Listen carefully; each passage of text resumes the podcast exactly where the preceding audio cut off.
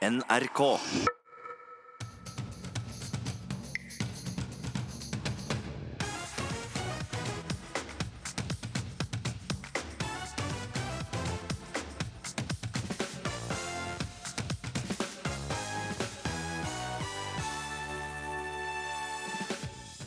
Vi trenger mer nærpoliti som kjenner ungdommen i bydelene, sier SV-politiker, etter at politi og ungdom fra Bogerud i Oslo har helt ulike versjoner av hva som skjedde under en politiaksjon mandag kveld. Er gaming den nye olja? 16-åring fra Norge vant 13 millioner kroner i VM i Fortnite. Stadig flere unge spiller dataspill på hobbybasis, men det fins også de som velger å gjøre gaming til sitt levebrød. Når du er så god når du er såpass ung, så skjønner jeg at det er fristende på en måte ikke gå ferdig i skolen fordi du har lyst til å fokusere mest mulig av tiden din på det akkurat nå. Det er så viktig å ha noe å falle tilbake på. Og forskning viser at kvinner presterer dårligere når de fryser på jobb. På tide å slå av klimaanlegg og la oss gå i sommerkjoler, skriver BT-kommentator. Jeg vil slite om temperaturen går opp med mer enn én grad, svarer Anker i TV 2-sporten. Hei og velkommen til ukeslutt. Jeg heter Marie Roksund. I denne sendinga får du også høre om en Jølster-beboer som måtte løpe så fort han kunne fra vannmassene. Og vi skal ta turen til Ekebergsletta, der det er finaler i Norway Cup. Debatten har rast etter at politiet rykka ut til Bogerud T-banestasjon i Oslo på mandag etter en melding om trussel med kniv. Rundt 30-40 politifolk møtte opp, i tillegg til et politihelikopter. Og Ifølge politiet ble de møtt av et tjuetalls ungdommer på stedet, som skal ha oppført seg så truende og lite samarbeidsvilje at politiet måtte trekke våpen og anholde ti ungdommer for trusler mot politiet. Her hører vi en av videoene som ble filma under hendelsen. Ungdommene mener på sin side at de ikke gjorde noe galt, og at det tvert imot var politiet som oppførte seg unødvendig aggressivt og trakasserende. Mubarak Ismail er en av ungdommene som var der, og han er klar på at hendelsen har gått utover de unges tillit til politiet. Det blir veldig vanskelig å skape et forhold eh, når de eh, håndterte situasjonen på den måten de gjorde.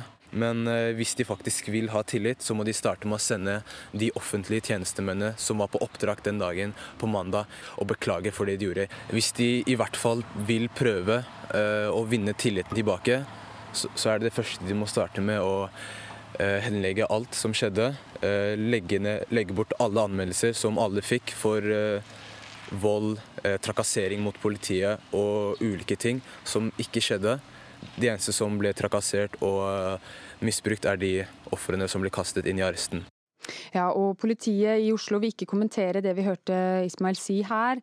De viser til eh, sin Facebook-side, der de skriver at de er opptatt av å bygge tillit til ungdommen, og at de har snakka med ungdommene som ble pågrepet, om hvorfor politiet gjorde det de gjorde. Og Vi har fått besøk av deg, Marian Hussein, lokalpolitiker i Oslo fra SV. Og vi har også med oss Finn Abrahamsen, tidligere politioverbetjent eh, ved voldsavsnittet i Oslo. Velkommen til ukeslutt. Eh, Marian Hussein, hvordan reagerer du på debatten som har rast den siste uka? Jeg syns at debatten har uh, egentlig vært um, Altså, den begynte som ganske dramatisk. Uh, de scenene og de, de, første meldingene som kom, var også ganske dramatiske.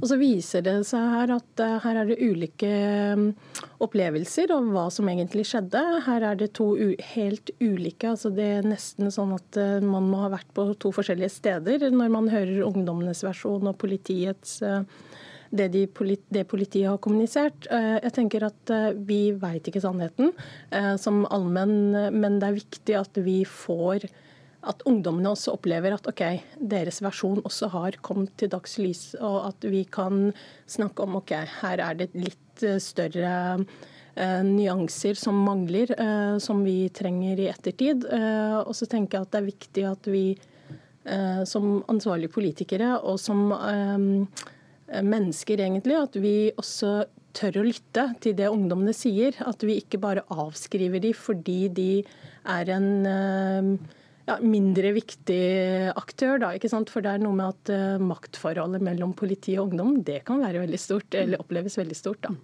Politiet ønska heller ikke å stille til uh, debatt her i ukeslutt, men uh, vi har med oss Finn Abrahamsen. Du er tidligere politioverbetjent ved voldsavsnittet i Oslo.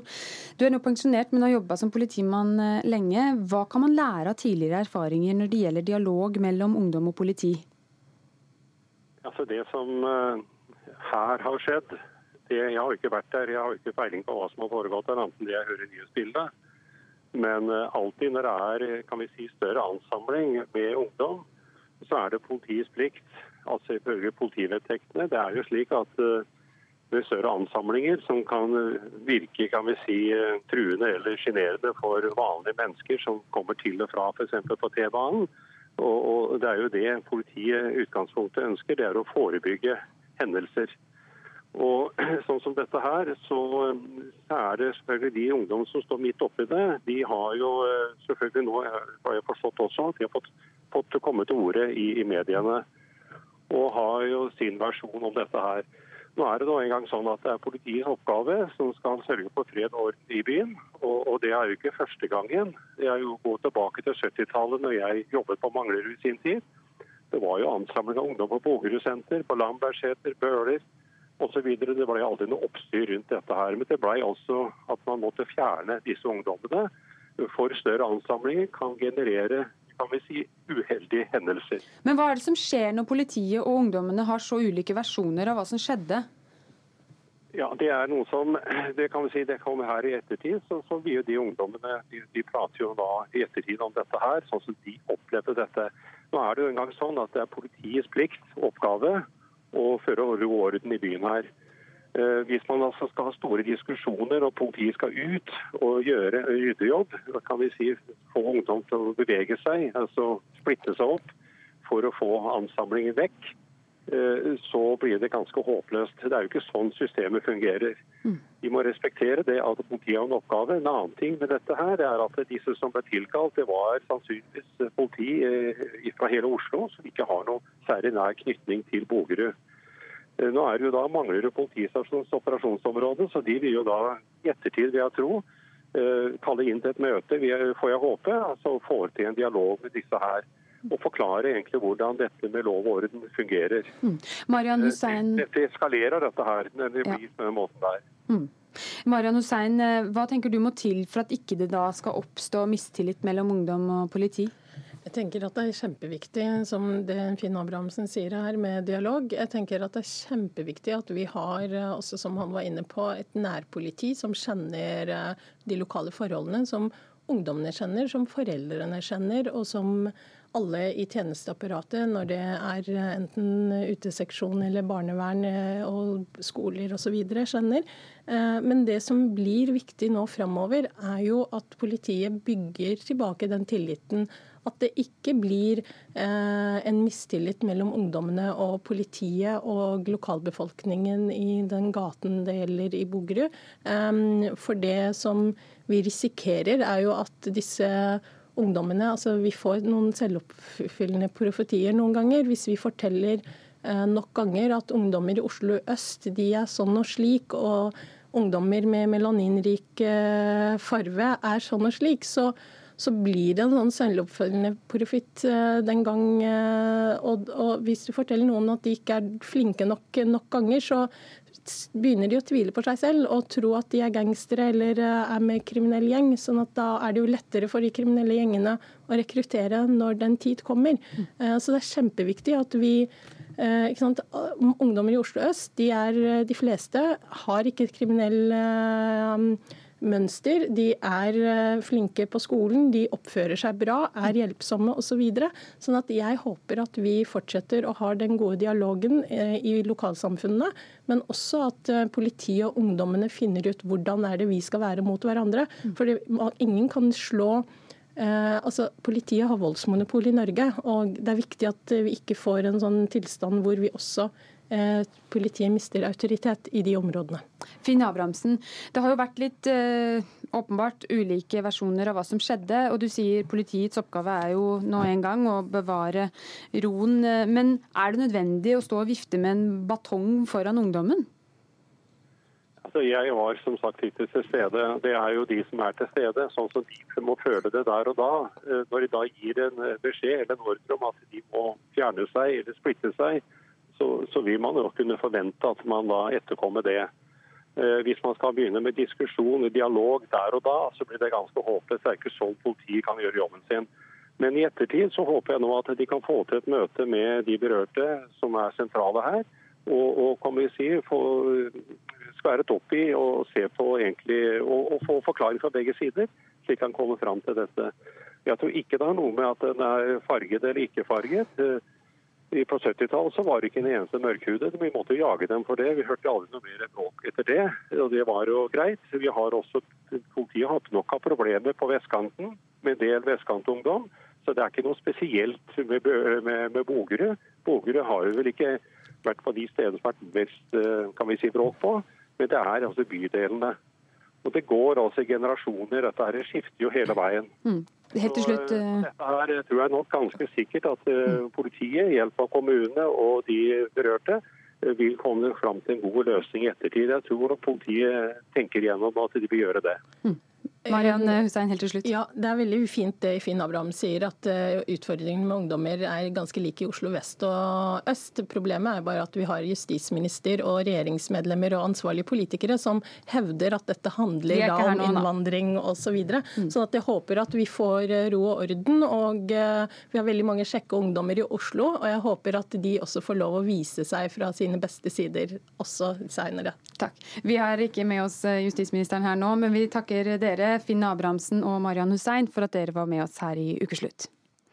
I dag er det finaler i Norway Cup, verdens største fotballturnering for barn og unge mellom 10 og 19 år. De fleste kampene går på Ekebergsletta i Oslo, og det er eh, så mye som rundt 30 000 deltakere fra hele verden som er der. Reporter Munever Gildis, du er på Ekebergsletta, der gutter 15 eh, spiller finale nå. Ja, det stemmer. Jeg står på sidelinja, eh, midt oppi alt. Nå må vi flytte, på, flytte, litt på oss, får vi beskjed om. Og her er det virkelig energi. Altså, det er snakk om at eh, det er to lag som har veldig, lyst til, eh, veldig lyst til å vinne dette her. Det ene laget det er Brage Trondenes fra Harstad, og det andre er Reddy fra Oslo. Og jeg har med meg de som spiller, men Lars som spiller for Oslo-laget, du spiller ikke. Hva har skjedd med deg? Jeg brakk eh, beinet i kvartfinalen mot Kolbotn. Du, hvor kjedelig syns du det er å se på dette her? Det er veldig kjipt. Jeg har egentlig veldig lyst til å spille og skåre mål. Ja, det skjønner jeg. Ja. Hvordan går det med dere nå? Det er andre omgang som spilles eh, her nå. Hvordan går det med laget ditt? Eh, vi ligger under 1-0 ja, og håper på å skåre et mål, da. Ja. Tror du det skjer, eller? Ja. For hvor mye av kampen er det igjen? Ca. 10-15 minutter. 10-15 minutter. Og da kan alt skje? Ja. ja. Og det andre laget, det er eh, Brage Trondnes fra Harstad. Du, Sander, hvordan går det med dere? Hæ? Hvordan går det med dere nå? Nei, vi leder 1-0. Det er en tøff kamp, men eh, jeg tror dette skal gå bra.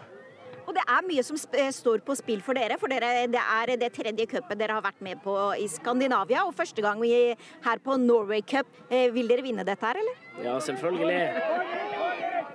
Og Sander ser, eh, mens han snakker med meg, så får han et langt blikk til sine lagkollegaer som, eh, som holder på å Holder du på å score, eller?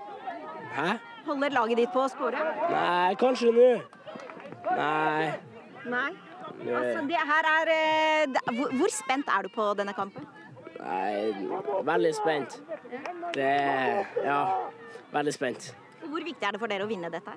Nei, altså Vi har jo prestert veldig godt gjennom hele turneringa, og eh, altså, det har ikke så mye å si eh, om vi vinner eller taper.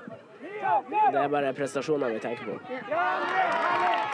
Oi, det, nå skjer det noe her. Det var en eh, ball som eh, holdt på å treffe oss. Du, eh, hva skal dere gjøre hvis dere vinner eh, denne kampen? Nei, feire. Og hvordan blir feiringen? Nei, jeg vet ikke. Det masse jubling og ja, bra stemning. De skal altså feire hvis de vinner, men det ligger ikke ligger an til at de kan faktisk vinne det. Men det er fortsatt ti minutter igjen av kampen, og da kan alt skje. I fotballen har jeg også lært meg her i dag. Tusen takk til deg, reporter Munever Gildis. Vi skal tilbake til deg på Ekebergsletta seinere i sendinga. Da skal vi få en liten oppsummering av Norway Cup så langt. Vassenden i Jølster kommune gikk fra sommeridyll til storflom og ras i løpet av kort tid tirsdag. Om litt får du møte Raimond Lillemo, som måtte løpe så fort han klarte fra vannmassene. Det var et par minutter der jeg frykta at dette kunne gå galt, rett og slett. Jeg, jeg har aldri beveget meg så fort jeg er i voksen tilstand, altså. Stadig flere unge spiller online-spill på hobbybasis, men det finnes også de som velger å gjøre gaming til sitt levebrød. Ukeslutt har møtt noen av dem.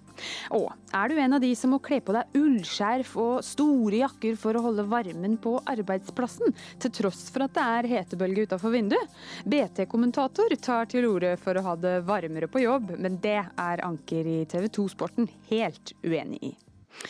Du har sikkert sett det på jobben, kvinner som sitter tulla inn i ullsjal midtsommers, mens mennene ser ut til å trives i dress. Jeg har ikke plass til tingene mine i skapet. Jeg har fullt av ulltepper og ponchoer inni der. Du syns det er altfor kaldt? Ja. De sier at det er 22, men det føles som det er 19. Jeg har ikke noe problem med, med temperaturen. Jeg, eh, jeg syns det er behagelig passe varmt, passe kaldt. Det er helt behagelig. Jeg har ikke noe problem med det. Jeg fryser alltid. Kanskje en plass mellom 22 og 23 ville vært passe for meg. Jeg syns det er for kaldt når du kommer fra det varme ute. Gå inn, du kommer gjerne i shorts og T-skjorte, og så setter du deg ned, og så eh, må du ta på deg når du kommer på jobb. Du skulle hatt det litt varmere? Ja, jeg kunne hatt det litt varmere, i hvert fall sånn eh, om sommeren. Jeg syns det er helt passe, seg. Det er deilig. Jeg sitter jo og fryser litt akkurat nå, egentlig. Et par grader mer hadde jo vært greit. Det må ikke bli for varmt heller. Inneklima er tilrettelagt for 60-tallets dresskledde Don Draper i serien eh, Mad Men. Det mener kommentator i Bergens Tidende, Eirin Eikefjord, som nå får støtte av en forskningsrapport. Den slår fast at kvinner ville prestert bedre med høyere temperatur på jobb. Eirin Eikefjord, du jobber på Media City i Bergen, hvor eh, NRK, TV 2 og din avis Bergens Tidende holder til. Og du skriver denne uka om hvor umulig det er for kvinner å gå i sommerklær på jobb. Hvorfor det? Det er rett og slett iskaldt. Uansett om det er hetebølge og varmerekord ute, så stanser det ved kontordøren. Og da kommer den kalde vinden i nakken. Så da er det på med pledd og skjerf og ullgenser. Men nå mener du forskningen gir deg rett i at eh, kvinner bør få jobbe i høyere temperatur. Hvorfor det? Altså det at kvinner fryser mer enn menn på jobb, det er dokumentert allerede. Og det er fordi at innetemperaturene er basert på en modell som ble laget på 60-tallet, hvor arbeidslivet egentlig var fullt av menn i dress. Men det den nye forskningen sier, og som er enda mer oppløftende, er jo at dette ikke bare er et kvinneproblem, men det rammer prestasjonene våre. Det går utover arbeidsevnen. Og Da tenker jeg at det er noe arbeidsgiver skal ta på alvor. For dette rammer jo faktisk bunnlinjen og alt vi leverer. Hmm. Simon Nitsche, vi ser deg på skjermen som eh, programleder i TV 2-sporten. Du holder altså til i samme bygg som eh, Eikefjord. Der jobber du ofte i dress. Eh, fryser du på jobb? Nei, Jeg sitter jo veldig behagelig der i dressen min. Og, det, og jeg er jo den eneste på mitt skift som sitter i den dressen nå. Eh, I og med at jeg eh, er nyhetsoppleser på Sporten, så ja, jeg har det nok eh, behagelig. Det har jeg i dressen min. Mm. Men Eikefjord mener altså at uh, temperaturen er tilpassa menn som deg, som går i dress. Er du enig? Ja, hun har et poeng til en viss grad, men jeg, jeg tror at uh, mennene rundt uh, er veldig flinke til å kle seg både opp og ned. Altså, det er jo shortskultur hos meg så på min arbeidsplass. Eh, så det er bare jeg som sitter i den dressen og ikke tåler egentlig, eh, føler jeg selv, at den temperaturen blir så veldig mye høyere. Men hva skjer med deg hvis det blir for eh, Hvis det har blitt en grad eller to varmere? Da sliter jeg nok litt. Da sliter jeg. For jeg er jo fullt påkledd med skjorte, slips, ganske tjukk dressjakke ullsokker Ikke ullsokker, men i hvert fall sokker og sko. Så um, nei, jeg, uh, jeg er veldig for den derre uh, standard 22-graders uh, Don Draper-temperaturen, sånn som vi har nå. Eirin Eikefjord, det skal være 22 grader der dere jobber. Hvor mye varmere vil du ha det? Forskerne sier jo at kvinner helst skal ha tre grader høyere, altså 25. Og det skjønner jeg jo at det er litt høyt. Du skal jo, det er jo mange som skal fungere i samme landskap. Men eh, kanskje man kan møtes på midten et sted. 23,5 f.eks. Eh, det eneste jeg vil er jo å ha mulighet til å gå i sommerkjole på jobb, og ikke stille i standarduniformen ullskjerf hele året. Og man har jo mestringsstrategier for dette. Altså, det er jo alltid pledd i skapet. Jeg eh, tiner hendene i varmt vann innimellom når det blir for ille. Du kan gå ut, heldigvis. Om sommeren kan man jo gå ut og tine seg opp. Men eh, det er jo ille at eh, man skal sitte og knekke opp fingrene og ikke fungere på jobb. Mm. Men Hva slags reaksjoner har du fått på kommentaren din? Ja, det er jo mange festlige reaksjoner. Eh, det er jo mange menn som nå truer med å gå nakne. De blir litt sånn Ulrik i parterapi. Litt sånn OK. Eh, en som skrev i kommentarfeltet at ja, alternativet er jo at jeg løper rundt med snoppen klaskende mot låret. Er det det du vil? Eh, og jeg tenker vel at det er et sted eh, mellom penis og pledd. ja, det finnes en mellomløsning her som man kanskje kan gå for. Mm. Hva slags andre reaksjoner har kommet? Det man, går det på hva du må gjøre? Ja da, En typisk reaksjon er jo at ja, du får jo bare legge på deg litt. Men hvor tjukk skal du egentlig være for å fungere i arbeidslivet? Men det som forskningen viser, er, det er jo at dette ikke er et individuelt problem. Det er et strukturelt problem som rammer mange, både kvinner og menn, men flest kvinner og at det faktisk har en konsekvens. Mm. Simon Nietzsche, Forskninga slår altså fast at det er mer sikkert at kvinner presterer bedre hvis de blir varmere, men det er ikke fullt så entydig at menn blir dårligere. Mm. Men hva skjer med deg hvis eh, temperaturen går opp et par grader? Jeg blir nok litt dårligere i jobben min da. da. For da begynner jeg å svette, sminken renner, og da vil jeg begynne å tenke på de tingene der istedenfor det jeg skal formidle. Så akkurat for meg så vil det kanskje ha en betydning, men for mine kolleger så er det jo sånn at hvis vi hadde vært vært med på det Eirin foreslår, å skru opp temperaturen litt, så vil eh, mennene synes det er helt greit å komme på jobb i, eh, i shorts. Og at det er kultur for det, det syns jeg bare er kult. Mm. Jeg tror mennene her, på, hvert fall på plagg, er tilpasningsdyktige. Det tror jeg kan snakke mennenes sak for. Shortsdebatten er jo en annen het debatt hver sommer. Men, men, du sier altså at eller Eikefjord sier at hun heller eh, jobber hjemmefra enn å knekke opp fingrene på Media City. Hva vil du råde Eikefjord til å gjøre? Nei, det er jo altså en tak Hvis det er sol og det er uh, veldig deilig vær ute, så kanskje gå og skrive kommentar på takterrassen. Det er en mulighet. Hva sier du til det, Eirin Eikefjord? Det høres eh, ut som en god løsning om sommeren, det. Jeg, eh, jeg er villig til å teste alternative arbeidsmodeller her. Mm. Det er jo free seating, tross alt. ja, for Eikefjord, du skriver også at eh, kvinnene på jobb ser ut som franske hotdogs. Altså at de surrer seg inn i noe som minner om burka. Skriver du, Er det virkelig så kaldt?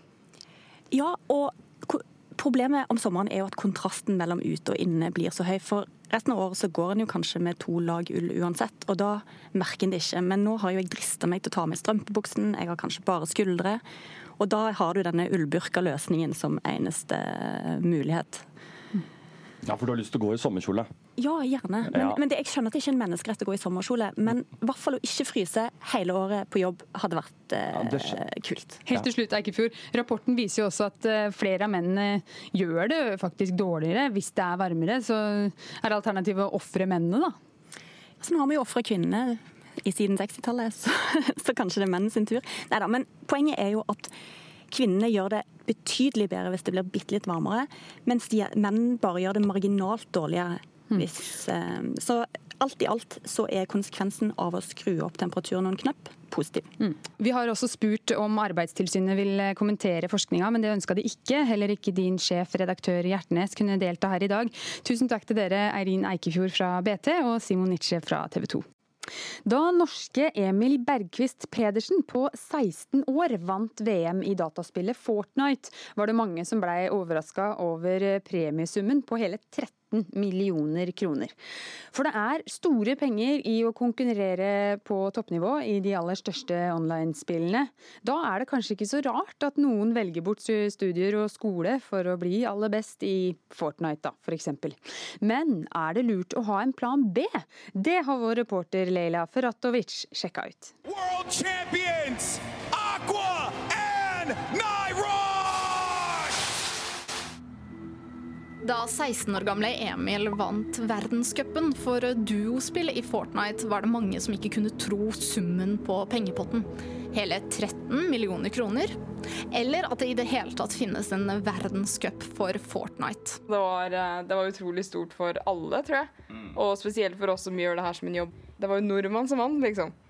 Dette er Sara Bergseth, og sammen med kjæresten Lloyd Jason Arkilla driver de en av de mest populære YouTube-kanalene dedikert kun til dette online-spillet. Hallo alle sammen, og velkommen tilbake til en ny video her på kanalen. I dag har vi fått prøvd å spille sesong X, eller sesong 10, eller hva du har lyst til å kalle det. Men før du begynner å google Fortnite, la meg kjapt ta en aldri så liten introduksjon til dette populære spillet. Det er et skytespill der spillerne blir sluppet ned på en øy hvor de skal overleve. Og de overlever ved å skyte ned andre spillere og sanke inn materialer og våpen.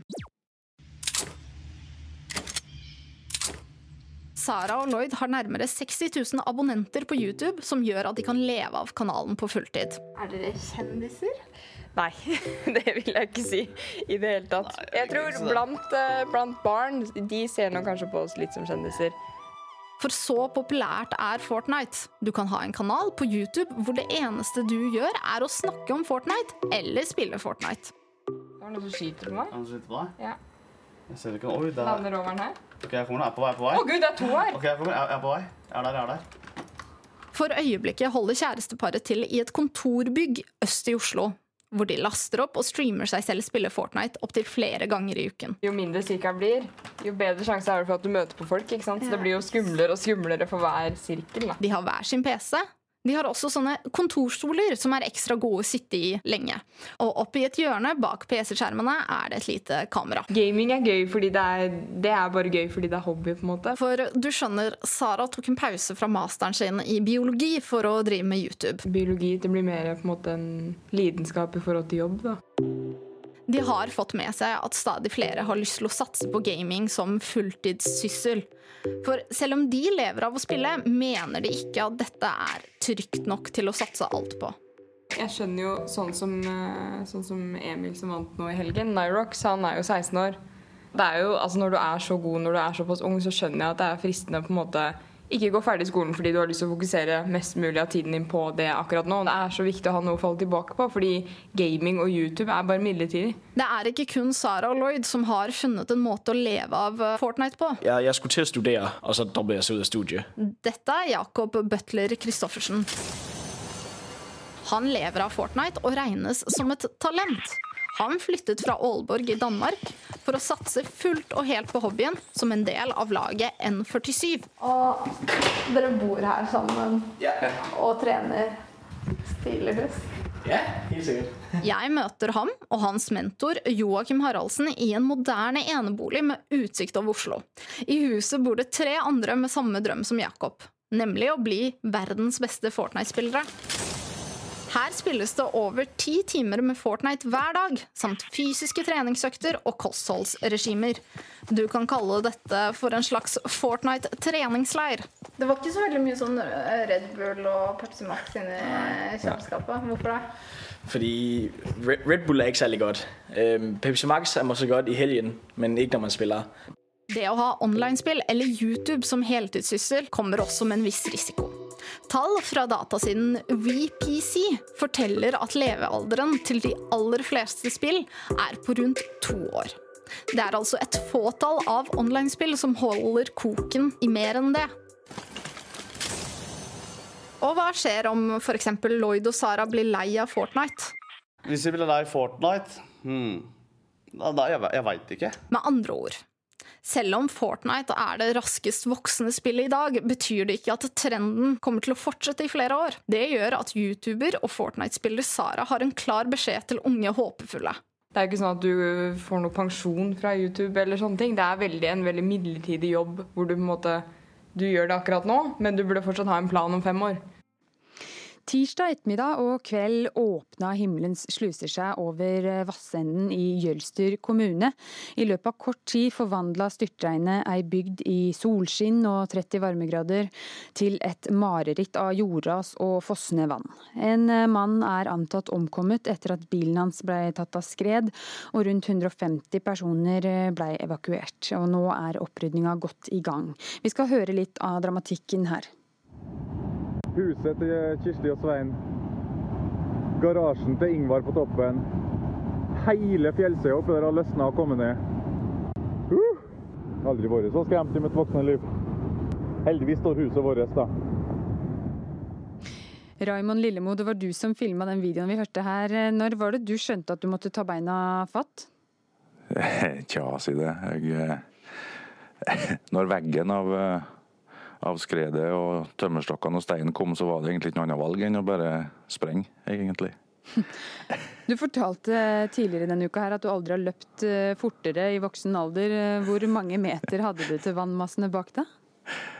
Nei, Der og da så blir det jo litt tett på. Det blir jo litt voldsomt. For det er jo noe som heldigvis ikke skjer hver dag. Men eh, uten å legge på, så jeg vil si da at det var ikke lenger bak enn mellom fire og seks meter. altså. Jeg hadde helt hakk i hæl. Du må ha vært redd? Ja, etterpå så blir du jo litt sånn betenkt, i hvert fall da på at eh, det er tilfeldigheter som gjør til at det gikk bra, kan du si. For der jeg sto og filma, lå det jo da kampesteiner på både to og tre tonn. Mm. Og så har du samboer og barn. Hvor var de da det her skjedde? Eh, de var i huset da. For jeg sa jo til samboeren min at jeg sprenger opp og, og bare ser på elva. På, for jeg ville, jeg ville, se hva som eh, gjorde at det kom så mye brunt vann og jord da, i, i vannet. Og så, når svigermoren min og eh, ektemannen sto De bor i huset over oss, der, og der jeg sto og filma. Så når de hørte lyden og så hvor stor elva ble, så ringte svigermor ned til, til samboeren min, da, altså dattera si, og barnebarna og sa at de måtte komme seg ut før elva går over. Mm. Så når jeg sprang ned bakken, da, så hadde de eh, kryssa veien fra uteplassen vår og så rett, rett, over veien og bort til innunder garasjen til naboen. For den er, det er en gammel sånn fjøs, fjøs, støpt fjøsmur. Mm. Og du er tilbake i huset nå, eller akkurat nå sitter du i studio i Sogn og Fjordane, men sånn til vanlig så er du tilbake i huset. Hvordan eh, ser det ut rundt eh, veggene og i bygda? Nei, vi har vært veldig heldige. Vi har det. Ehm, det var hektisk når det sto på. Det ble mye stein og jord og drit kan du si, ned langs veien forbi huset. Men vi har, som jeg har sagt, et par timer med høytrykksspiller, så er huset vårt like fint, kan du si. Men, eh, men det er dem i bygda som ikke er så heldige. da. Blant annet min svigermor og, og ektemann. De har noen måneder med, med opprydning og graving og forsikring og sånne ting framover. Mm. Hva tenker du i ettertid om det som skjedde? Nei, jeg tenker det at vi har uh, vært utrolig heldige. Rett og slett. Jeg tenker at det er, det er, tilfeldigheter som gjør til at det gikk så bra som det gjorde for alle. da. Uh, spesielt nedover den Jeg snakker mest om den, den Årsetelva nå, da. Så viser det at den, den rasvolden og den forebygginga som ble gjort i 2017, har, har virkelig fungert da, og hjulpet til at det ikke ikke gikk noe bredere enn det gjorde, akkurat det raset. For hadde gjort det, så Hvis den elveforebygginga ikke vært gjort, så hadde det i hvert fall gått med, med to-tre hus. Mm. Vi har også med oss eh, ordfører i Jølster kommune, Oddmund eh, Klakegg. Du sitter i samme studio. Du var eh, bortreist tirsdag. Hvordan fikk du vite at Vassenden var i fare? Nei, Jeg eh, fikk eh, bruddstykke av en telefon fra en, et av brannmannskapene mine som var på plassen da de første minuttene etter dette her begynte å, å, ta ut. Så vi skjønte jo fort at uh, dette var gale, uh, og, og, det var ei, stor hending.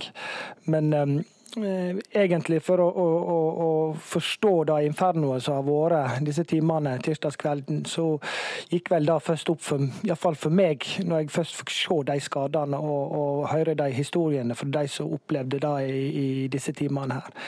Så eh, det er jo, eh, det er jo et inferno av nedbør, vind, regn, eh, ras, elver over sine bredder som vi aldri har sett maken til. og Jeg vet ikke om det finnes tilsvarende eksempel, for å si det sånn, eh, iallfall i vårt område. Hva var det du hørte, eller hva er det du har hørt som kanskje har gjort mest inntrykk? Det er jo denne her eh, opplevelsen folk har av at plutselig så løsner på en måte hele fjellsidene. Vi, vi har jo et, en topografi som tilsier at det her er høye fjell og, og ned mot vann og, og, elver. Og, og da å miste kontrollen og ikke vite hvor det er trygt å være, eh, det er nok en fryktelig skremmende opplevelse. Mm. For du var på Østlandet, men kom hjem til bygda dagen etter. Kan du beskrive hvordan det så ut? Nei, altså, det, er jo, det er jo litt som jeg sier, altså, du, du, du, tror ikke det før du på en måte ser det. Eh, og eh, Det var sterke, sterke inntrykk eh, å komme hjem og, og, se disse her herjingene og, og, prøve å forstille seg hva som skjedde disse timene. Og selvfølgelig Det som kanskje òg preger dette her mest i bygda vår nå, det er jo at vi har en av våre som vi ikke finner, som er savna. Mm. Og jeg tror det er veldig viktig for ikke selvsagt for de pårørende, men for hele bygda på en måte. Skal vi, vi komme oss videre og få avslutta dette, her, så, så, er det veldig viktig å finne han. og Derfor er det et, et enormt engasjement nå i, i bygda vår for å, å, lete og prøve å sette sammen det puslespillet som skal til for å finne den sakna. Mm. Ja, og Kommunen har også satt i gang et, eh, et krisestab eh, tirsdag kveld. Hvordan eh, har dere ivaretatt de som ble ramma? Vi har etter beste evne så langt prøvd å ivareta det. Og så er det noe så, så, er det ofte sånn med sånne hendinger at kanskje reaksjonene kommer noen dager senere og, og en tid etter, etter, en så skremmende opplevelse som dette her uværet medførte. Så vi vil nok ha stort, stort fokus på det i tida som kommer, òg å hjelpe. Og, og, at de skal få profesjonell hjelp og noen å snakke med, de som trenger det. Mm. Uh, og denne mannen du snakka om nå i stad, som uh, kan ha omkommet i et ras. Uh, hva er siste nytt der? Nei, altså, Dere meldte jo litt dette sjøl òg. Altså, jeg observerte nå masse båter på, på Jølstravatnet. Jeg tror det er 22 båter ute og et uttalt et, et, et, stor mengde folk. og De vil lete i hele dag, og de lette i hele går, og de er utover hele helga. Jeg ser bare et sånn økende, økende engasjement, og jeg, jeg ser dette her som en veldig viktig sak, sak for bygdefolket. Å få et svar på hva som skjedde med den, den sakna. Ja, Hvordan preger det bygda? Dette preger bygda. Altså, det er jo litt så, så Lillemo sier her, altså ting, fysiske ting som blir ødelagt, de kan repareres. Og eh, Det er nok et stort oppryddingsarbeid og forebyggingsarbeid som står framfor oss. Men dette med å miste noen, det er noe som ikke går an å reparere. Det, det er ugjenkallelig. Og, og det preger nok eh, bygda, og det preger eh, selvfølgelig oss i kommunen som skal prøve å håndtere den situasjonen vi er oppe i. Mm. Men, men, eh, helt til slutt, uværet ramma ikke hele kommunen. Kan du beskrive hvordan det er nå og potensielt eh, fremover? Ja, nei, altså, og det er jo det som spesielt. Dette er veldig lokalt. Det, det har på en måte ramma en, en, en Eh, vanskelig å si i kvadratkilometer, men, men en, en, 50 eh, kvadratkilometer av kommunen min så er på nærmere 700 kvadratkilometer. Eh, så, så, så, men dette er òg et område der det bor 1500-1600 mennesker. og I hin enden av vannet så var det nett nesten ikke en, en regndråpe den kvelden. Så, så, det er veldig store lokale variasjoner i, i hvordan dette har slått ut. Mm. Så, så um, Derfor blir jo dette her et sånn naturfenomen som vi på en måte uh, ikke har vært forberedt på og ikke kjenner til i, i vårt område. og Prøvd å finne litt ut av historien om noe sånt har skjedd i bygda mi tidligere, og det kan ikke jeg se. Vi har nok hatt mye regn og skred og, og, og flaum og sånt i kommunen min uh, opp gjennom tidene, men ikke sånne enorme nedbørsmengder på så kort tid. Mm. Da sier vi tusen takk for at du var med oss i Ukeslutt, Oddmund Klakegg. Du er ordfører i Jølster kommune, og tusen takk til deg også, Raimond Lillemo. Det er eh, helg, og kanskje er du en av de som har tatt turen til Vinmonopolet for å kjøpe inn litt øl for anledningen.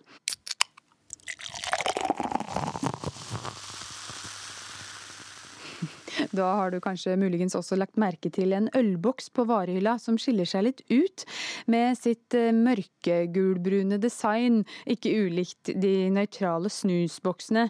Og denne ølen har da fått navnet Overformynderi Stortingets dobbellipa. Den er brygga hos dere, Jens Eikeseth. Du er daglig leder ved Sju Fjell bryggeri. Hvorfor har dere gitt eh, ølet akkurat dette navnet?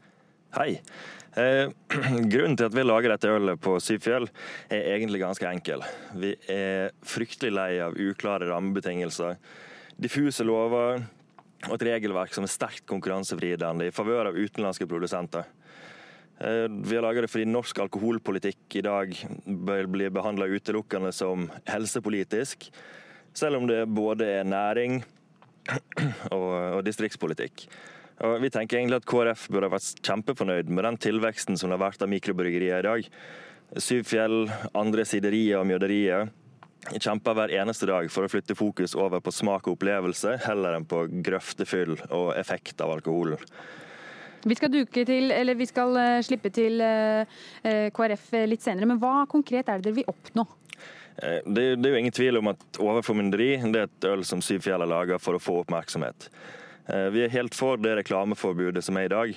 Men med, med dagens litt sånn sensurprega informasjonsforbud i praksis, så er det noe vi tenker burde blitt gjort noe med. Men hva slags informasjon er det dere vil dele med folk på sosiale medier f.eks.? Altså det, det, det, eneste vi egentlig ber om, det er at den utdaterte alkoholforbudsloven fra, eller alkoholreklameforbudet fra 1975, som fikk en liten oppmykning i, i 2015 at det også blir åpna opp for nøktern produktinformasjon. Informasjon om hvilke produkter som blir laget, hvor de slippes hen, når de er tilgjengelig i sosiale medier. Men det var en liten oppmykning i 2015, sier du. Hva var det? Det, det stemmer. Da ble det tillatt på, på egne nettsider. Mm. Og det, det, er jo imponerende i seg selv at uh, man har blitt oppmerksom på internett i 2015. Men man burde kanskje blitt oppmerksom på sosiale medier også på, på samme tidspunkt. Men dere legger det altså ut i dag eh, på engelsk. Er det, er det innafor? Eh, vi, vi, gjør faktisk ikke det. Eh, fordi det har blitt kommunisert til oss fra Helsedirektoratet via Bryggeriforeningen at dersom man kun kommuniserer på engelsk, ikke svarer på noe som helst på norsk, og kun omtaler produkter som man enten eksporterer eller prøver å få eksportert, så kan man legge ut egentlig hva man vil i sosiale medier. Men vi tenker at for det første så er det ingen som vil gi oss dette skriftlig, så derfor holder vi oss litt, eh, sitter vi litt stille på gjerdet. Og for, for, det andre så tenker vi at det er, det, det er ingen fornuft i å på en måte prøve å omgå regelverket for å finne et smutthull, og så samtidig måtte la være å gjøre det som faktisk er lovlig per i dag og kommunisere med, med følgere om arrangementer, eventer, hvor vi er å finne og hva vi gjør på. Ok. Tusen takk for at du kom hit og protesterte litt uh, hos oss. Jens Eikeseth, du er daglig leder ved Syv Fjell bryggeri. Nå skal vi ha den politiske debatten som du så vidt uh, var innom, Eikeseth. Helge Stormoen, du er uh, bystyrerepresentant for Bergen Frp. Dere støtter bryggeriet og vil at de skal få dele litt informasjon om produktene sine i sosiale medier, også på norsk? Ja, det ønsker vi. Men først av alt må jeg si at eh, det er viktig å presisere at eh, barn og unge under 18 ikke blir eksponert for reklame eh, for alkohol. Og Når det gjelder alkohollovens paragraf 9, som Eikeseth så vidt er innom her, Reklameforbundet, så viser eksempelet som Eikeseth her fremsetter at dette punktet er overmodent for revisjon. Det er jo meningsløst at et eh, norsk bryggeri eh, ikke kan kommunisere med sine brukere på et annet språk eh, enn norsk. Altså Hvis man ekskluderer det norske språket, eventuelt i en, en, en kommunikasjon med forbrukerne. Um, og Du skal ikke ha store brukerkunnskaper på f.eks. Facebook for å kunne oversette dette til norsk. Det er kun ett tastetrykk unna. Men hvorfor er da ikke Ja, du var inne på det, men hvorfor er ikke da, dagens ordning god nok? Hva er det som konkret må endres? Nei, slik som jeg ser det, så er det klart at uh, det er to ting som er viktig her. Det ene er jo uh, det generelle forbudet mot å kunne kommunisere ut et budskap til forbrukerne. Um, og Den linjen som man legger det på i dag, er en form for overformynderi. Uh, vi er jo en nasjon med høyt utdannede og reflekterte forbrukere, som jeg har stor tillit til til å kunne ta de riktige beslutningene. Eh, og Det andre er selvfølgelig at eh, barn og unge, eh, slik som det er lagt opp i dag, kan bli eksponert for dette. Og Det er ikke mye man skal gjøre i forhold til å sette utvalgskriterier når man publiserer ting som gjør at barn og unge under 18 år ikke mottar budskapet. Geir Jørgen Bekkevold, du er stortingsrepresentant og medlem av helse- og omsorgskomiteen for KrF. Er det ikke på tide at ølbryggeriene får lov til å legge ut informasjon om produktene sine i sosiale medier på norsk, når de allerede får lov til å gjøre det på engelsk? Eh, jeg syns ikke det er noen god idé. Eh, og det er helt rett som Merkeseth også sier. Eh, alkoholpolitikk det er også helsepolitikk. Og For meg og for KrF så er det viktig at norsk ruspolitikk fortsatt skal utformes i solidaritet med de som er mest utsatte og sårbare, og som sliter med avhengighet. Og fordi deling og videreformidling av informasjon er så sentralt i sosiale medier, så er det ikke lov med produktinformasjon om alkohol på sosiale medier. Og det man risikerer også, hvis vi åpner for det, det er at personer som ikke selv ønsker eh, å bli det, blir eksponert for det. Og jeg tror det skal bli fryktelig vanskelig å hindre at barn og unge får informasjon om alkoholprodukter.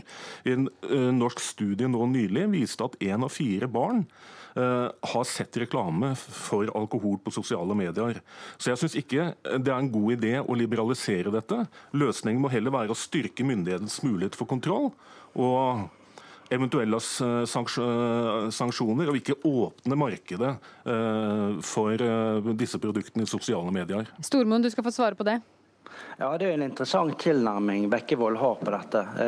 Hvis meg eller deg tar et bilde og legger ut på Facebook eller på Instagram, Ehm, så er ikke det noen form for sensur på dette. Det kan vi gjøre, og det kan vi spre til alle i vårt nettverk. Men hvis produsentleddet her ønsker å gjøre det, så er det underlagt at det er et forbud. Ehm, dersom man hadde hatt en oppmykmøte, så kunne produsentleddet satt eh, strenge kriterier til hvem dette skal eh, vises til, slik at eh, disse personene som Bekkevold viser til, ikke hadde blitt eksponert for dette. Så det er et interessant tema, dette. For at Frp har jo i regjering fått et gjennomslag for reduksjon i alkoholavgiften når det gjelder småskalabryggeri. Eh, det er også en regjering hvor KrF inngår.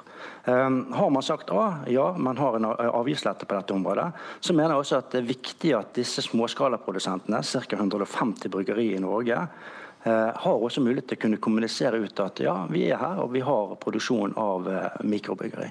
Men de fleste skjønner jo engelsk, så hvorfor skal det ja, hva, Nei, det er jo det som er paradoks. Det? er jo det som er et paradoks her. for det, eh, om, om, du ikke skjønner engelsk, så kan du trykke på én knapp, eh, og det er oversett. Eh, den er helt i bunnen på, på, det innlegget som kommer, og da får du plain tekst, på norsk som du enkelt og greit kan, kan, lese. Og Henvender du deg til bryggeriet som en norsk forbruker, ja, da får du ikke svar. Men hvis du har et navn som kan fremstå som utenlandsk, ja, da kan bryggeriet svare vedkommende. Helt molbo. Ja, Bekkevold, de fleste forstår jo engelsk uansett. Ja da, men nå sier jo Syv Fjellbryggerier at de legger jo ikke dette ut på engelsk. De har heller ikke fått skriftlig bekreftelse på at, uh, at man kan gjøre det. Og, og, jeg tror det er viktig å minne om at heller ikke utenlandske, uh, utenlandske aktører har lov til å reklamere for alkohol rettet mot det norske markedet. Og verken Facebook eller andre sosiale medier eh, har alkoholreklame rettet mot det norske markedet. Så dette her, det kan reguleres, og jeg syns det er en dårlig idé å begynne å liberalisere. Og han peker nå, uh, Stormoen peker også på hva Frp har fått gjennomslag for i regjering. En annen ting som eh, denne regjeringen, som Frp er en del av, eh, har som mål, det er en 10% nedgang i skadelig bruk av alkohol. Og Her viser faktisk tallene at vi går i riktig retning. Å åpne for mer liberal informasjon og markedsføring for eh, alkohol vil bidra til det motsatte. Stormoen? Ja, eh, jeg, jeg, har ikke grunnlag for å kommentere de tallene som Bekkevold viser til her nå. Men det som er viktig for oss, det er å kunne ha produktinformasjon. og Her må vi skille ja, mellom reklame og produktinformasjon. Det er det mulighet eh, for på, uh, på steder som, uh, som, du og jeg selv kan oppsøke, f.eks. nettsteder. Der er det lov til å ha produktinformasjon. Men poenget med sosiale medier det er jo, det er jo delingssted. Og fordi at vi ikke har kontroll om hvem det deles med. Det kan være folk som sliter sliter med alkohol, som plutselig på sin Facebook-side får opp reklame for alkohol. Og Sånn ønsker ikke KrF at det skal være. Jeg tror vi må si Nei, at da, det er da, siste Da er en forutsetning selvfølgelig at man må vite man må vite om eh, eh bryggeriet sitt nettsted. Og det er klart Småskalaprodusenter er gjerne ikke kjent. og Derfor de, må de ha mulighet til å kunne tilkjennegi at her er vi, og dette er produktene vi har. Takk til dere nå, eh, Geir Jørgen Bekkevold og Helge Stormoen. Enten du kjører elbil selv eller ei, har du helt sikkert lagt merke til køen rundt hurtigladerne rundt om i landet. Kø, kø, vi står i kø. At vi ikke blir sprø. Du stiller opp bakerst og tida vi fly. Og når du kommer foran, er du bakerst i en ny kø. Vi står i kø. kø. Nesten sju av ti elbilister må stå i kø når de skal hurtiglade bilen, og de køene er verst i Oslo, Vestfold, Oppland og Buskerud. Regjeringa burde hatt en langsiktig plan for å bedre dette. Det mener du, Kristina Bu, generalsekretær i Norsk Elbilforening? Ja, det mener jeg. Og de har jo egentlig sagt de Eller de skulle komme med en plan, men det viste seg å være en eh, handlingsfri handlingsplan. Den eh, kom de med rett før sommerferien. Eh, Hva er det som ikke var bra nok? Nei, Det var jo egentlig det, det, var egentlig bare en oppsummering av status, eh, og ingen konkrete ting utover det som allerede Stortinget har bedt regjeringen om å gjøre. Så vi må innrømme at vi ble ganske skuffa over den, og det tror jeg mange elbilister også var. Men det er jo private aktører som bygger ut hurtigladerne. Hvorfor skal regjeringa da legge seg opp i det? Ja, og det kommer det fortsatt å være. Eh, og disse private aktørene de, eh, de, er også tydelige på at man må gjøre noe med rammebetingelsene, sånn at det blir attraktivt å bygge ut hurtigladestasjoner i hele landet, for det er problemet. Og så handler det om å lage en, rett og slett en plan da, eh, som sier noe om hvordan vi skal møte behovet. Og det er regjeringens ansvar. Det betyr ikke at det er regjeringen som skal bygge og drifte og liksom ta kostnaden for disse stasjonene. Eh, men de må legge til rette for at vi skal få det til. For vi skal kjøpe veldig veldig mange flere elbiler framover. Eh, I 2025 så har regjeringen bestemt at vi alle skal kjøpe elbil eller nullutslippsbil, og da må vi ha en helt annen takt i utbygginga. Vi venter litt med tallene, men vi, eh, aller først statssekretær i Samferdselsdepartementet, Tommy Skjervold fra Frp. Aller først, Du er medlem av Elbilforeningen sjøl og kjører elbil? Det stemmer. Har du opplevd å stå i hurtigladerkø sjøl? Nei, jeg synes det har gått For min del har det gått veldig greit. For jeg har fått eh, lade raskt når jeg har hatt behov for det på de tidene jeg har valgt å lade. Mm. Og Da skal det sies at du kjører eh, også Tesla, og de har jo ganske mange ladere er det ikke sånn å forstå? Jo, det er helt riktig. Tesla har et eget utbygd nett i tillegg som jeg kan benytte meg av. Eh, de er ikke i nærheten av Oslo eller typisk der jeg kjører til vanlig når jeg kjører bil. Eh, men det er klart som aktør så har Tesla et fortrinn ved at de har flere stasjoner å tilby sine kunder. Mm. Men til kritikken fra Elbilforeningen, eh, hva med en plan? Nei, regjeringen har jo en offensiv elbilpolitikk, eh, og den virker. Eh, og Først og fremst så er regjeringens politikk at vi skal legge til rette for at folk flest skal kunne kjøpe nye biler eh, ved å fjerne avgifter i god Frp-ånd på bilene. Og så er det heller ikke slik at vi ikke har en plan. Vi har en handlingsplan med 13 punkter på hva regjeringen vil og hvordan vi skal jobbe. Den er et tydelig signal til aktørene i markedet om at vi satser på dette, som gjør at de skal få tryggheten til å ville investere og bygge ut ut ladekapasitet som vi eh, åpenbart trenger i tiden fremover. Tydelig. Kristina Bu, er det enig? Overhodet ikke tydelig. Det er egentlig en status av situasjonen. Eh, og de sier ingenting om hvor mye som skal bygges, hvordan det skal gjøres.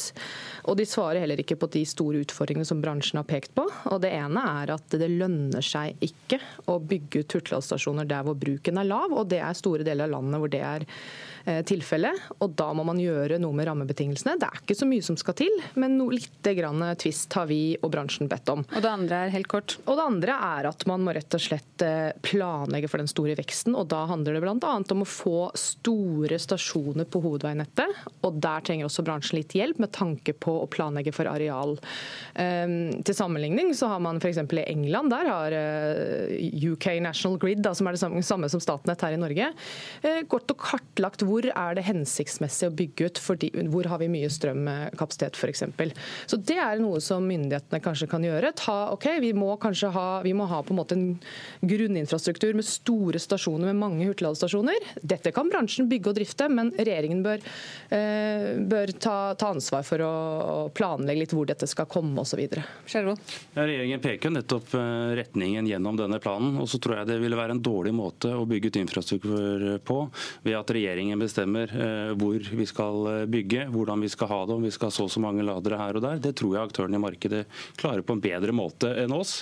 Eh, og Det er også ulike meninger om hvor mange ladere man trenger, hvordan man skal gå fram i, i markedet allerede blant de ulike aktørene. Dette er en markedsdrevet utvikling. Det fungerer. Det bygges stadig flere ladestasjoner. Og så er vår offentlige rolle det er å legge til rette og gi hjelp der det ikke lar seg gjøre på markedsmessige vilkår. Derfor satser vi mye på støtte gjennom Enova til å nettopp hjelpe de områdene og de typene som trenger drahjelp. Og så peker planen også på alle de områdene som nevnes her med arealpolitikk og strømsegmentet osv. Den type ting som er vurderinger som vi gjør fortløpende for å sørge for at vi får bygd ut infrastruktur. Er det ikke et problem at det er såpass lange køer?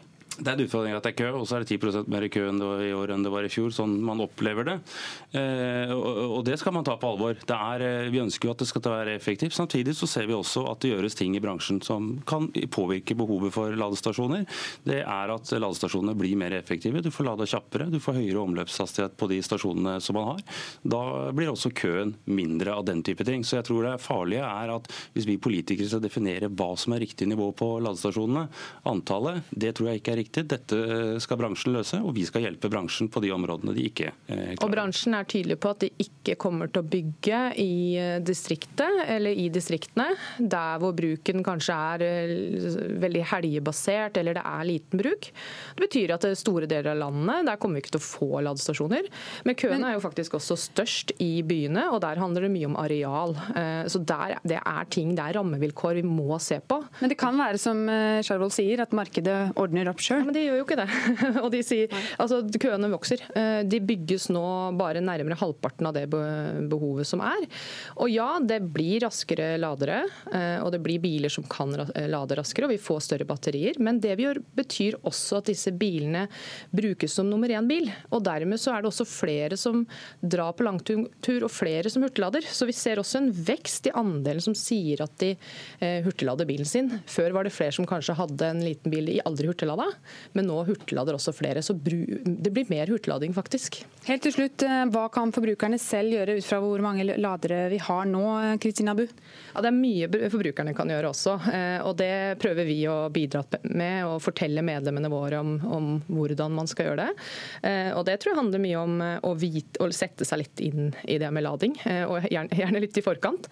Og Et tips er f.eks. det at man bør vite at ladehastigheten går ned på slutten, så det er ikke vits å lade helt opp til 100% Kanskje bedre å stoppe en gang til og lade heller eh, gi seg på rundt 80 eh, Det er et, eh, et viktig tips. Det sparer både lommeboka, og så går det fortere over for nestemann fortere overtar laderen. Mm. Tusen takk til dere, Kristina Bug, generalsekretær i Norsk Elbilforening, og statssekretær i Samferdselsdepartementet Tommy Skjervold fra Frp.